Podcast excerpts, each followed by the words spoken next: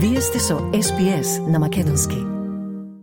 Владата на вчерашната седница ја разгледа информацијата од Министерството за надворешни работи за Европската предлог преговарачка рамка за Македонија со ЕУ, представена од француското председателство. Владата одлучи предлог преговарачката рамка да ја проследи до собранието на разгледување и донесување на тамошни заклучоци во согласност со процедурите на собранието, соопшти владината преслужба.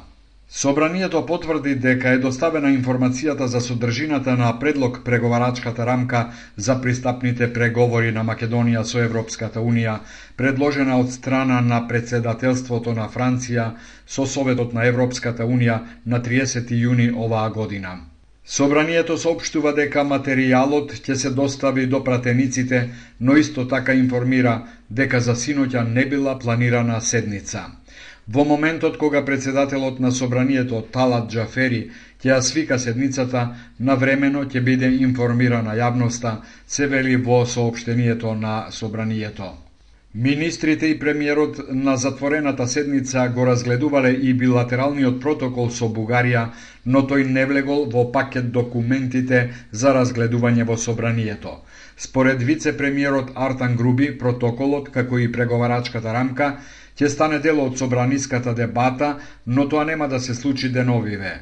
За да влезе во собраниска процедура, европскиот предлог треба да биде преведен во согласност со законот за јазиците. Груби на пресконференција рече. Ние, како владеачко мнозинство, сметаме дека сите документи кои што се доставени од Брисел и сите билатерални документи кои што се усогласуваат со Софија треба да се поднесат во собранието каде што парламентарните политички партии треба да отворат конструктивен диалог и да одлучуваат по однос на сите тие документи и да ја заложат владата со заклучоци. Пратеникот Антонио Милошовски на пресконференција објави неколку забелешки и рече дека забелешките на ВМРО ДПМНЕ на европскиот предлог се конкретни за како што рече македонскиот пат да биде заштитен од ретроградни процеси, завршен цитат. Милошовски објави шест забелешки од кои ги спомена најважните. Во точката 3 Зборовите ЕУ ги зема во предвид со одветните еднострани декларации на Бугарија и Македонија за македонски јазик да се избришат и да стои дека законодавството на ЕУ се преведува само на македонски јазик. Во точката 5 од преговорачката рамка да се избрише последната алинеја Според вице-премиерот за политички систем Мартан Груби, протоколот со Бугарија е усогласуван од август 2017 година. Овој документ, вели тој, не е подпишан бидејќи во моментот во Бугарија нема влада со која би можело да се усогласат ставовите. Протоколот е усогласуван веќе подолго време и тоа да кажеме од 2017 година, не само од денеска, туку од кога го е подпишан договорот за добро соседство 1 август 2017 година па се до денес. Груби рече дека во Македонија действува руската рака. И тоа го гледаме си во овие денови од протестите кои што се одвиваат во Скопје, пред собранието, пред Министерството на дворешни работи и пред владата. Милошовски вети дека ВМРО ДПМН ќе учествува во собраниската дебата. ВМРО ДПМН ќе учествува во секоја дебата во собранието и ќе ги застапуваме интересите на државата, интересите на граѓаните. Сепак шефицата на бугарската дипломатија Теодора Генчовска завчера за БГНЕС даде спротивна изјава во која рече дека документите се договорени, а со министерот за надворешни работи Бујар Османи се договориле протоколите да не се отвораат. Лидерот на ВМРО ДПМН е Христијан Мицкоски синоќа пред почетокот на протестите против европскиот предлог на новинарите им изјави дека ВМРО ДПМН под ниеден услов нема да поддржи уставни измени.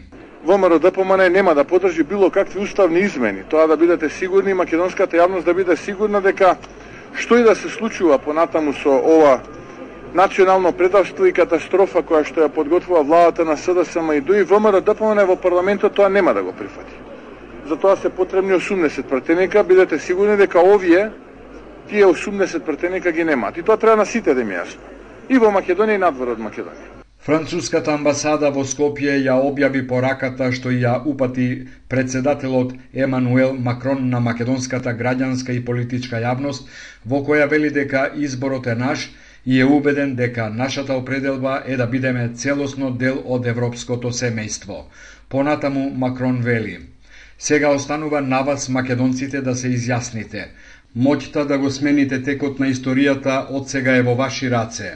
Нема да речам дека овој договор е совршен, но ќе ви го расчисти европскиот пат. Како и секој договор, така и овој е заснован на компромиси и рамнотежа. Овој договор не го доведува во прашање официјалното постоење на македонскиот јазик, кој е составен дел на вашиот идентитет, рече Макрон. Во овој договор, нагласува Макрон, е наведен договорот за пријателство со Бугарија од 2017 година.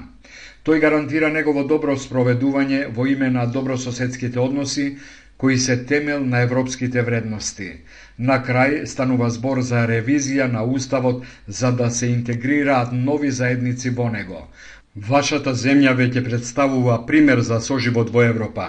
Ќе треба да се изјасни Македонското собрание, нагласува во пораката францускиот председател.